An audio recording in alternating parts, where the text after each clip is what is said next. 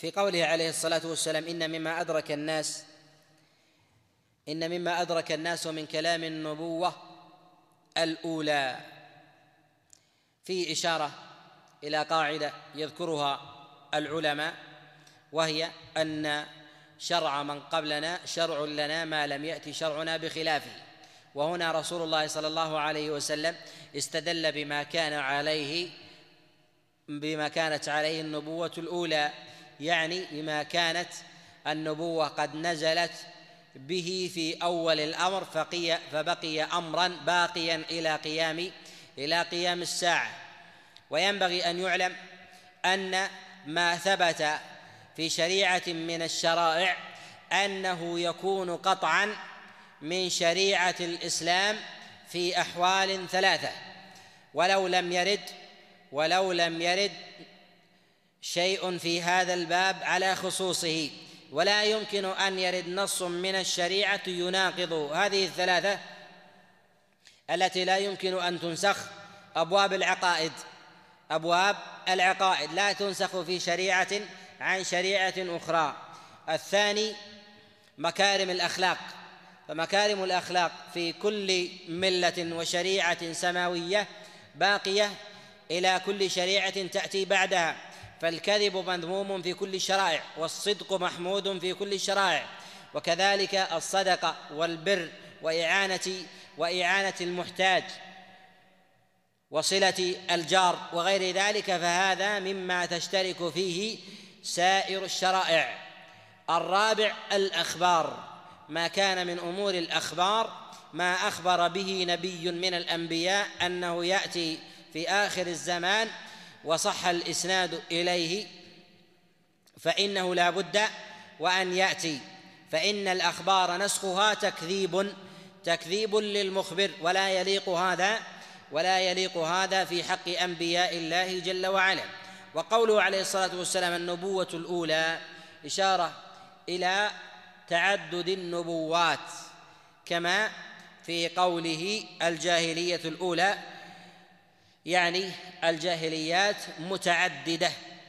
وهنا قال إذا لم تستحي فاصنع ما شئت يعني ما أدرك الناس من أمر أو حال النبوة النبوة الأولى إذا لم تستحي فاصنع ما شئت.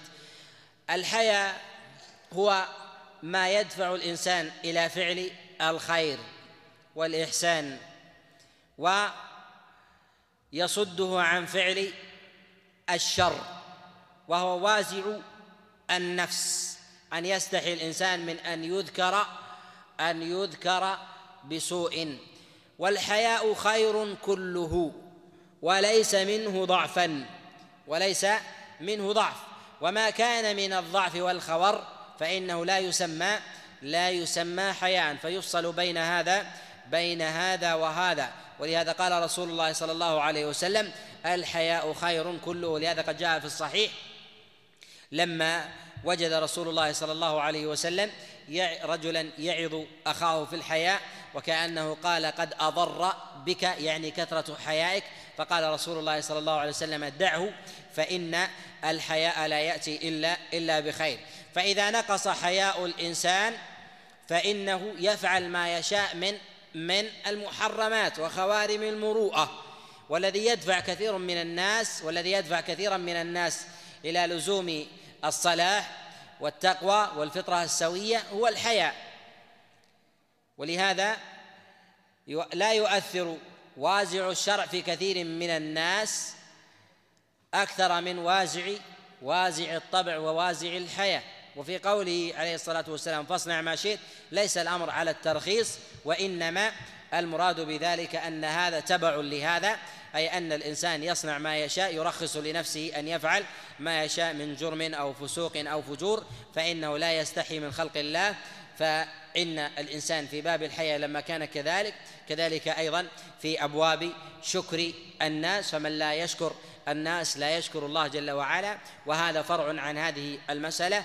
فمن كان يستحي من الناس فإنه يستحي من الله جل وعلا ومن كان شاكرا للمحسنين من الناس مبينا فضلهم ومقاديرهم فهو لشكر المنعم أولى وأحق وأحرى في هذا وهذا معلوم ومشاهد ملموس. فمن كان جاحدا لفضل أهل الإحسان ومناقبهم فهو جاحد لفضل الله جل وعلا وإحسانه. هذا من جهة الخصيصة هي خصلة في الإنسان يتشعب منها كثير من الأعمال ما يتعلق في في أمور البشر مهما اختلفت درجاتهم ومراتبهم. في هذا القدر كفاية.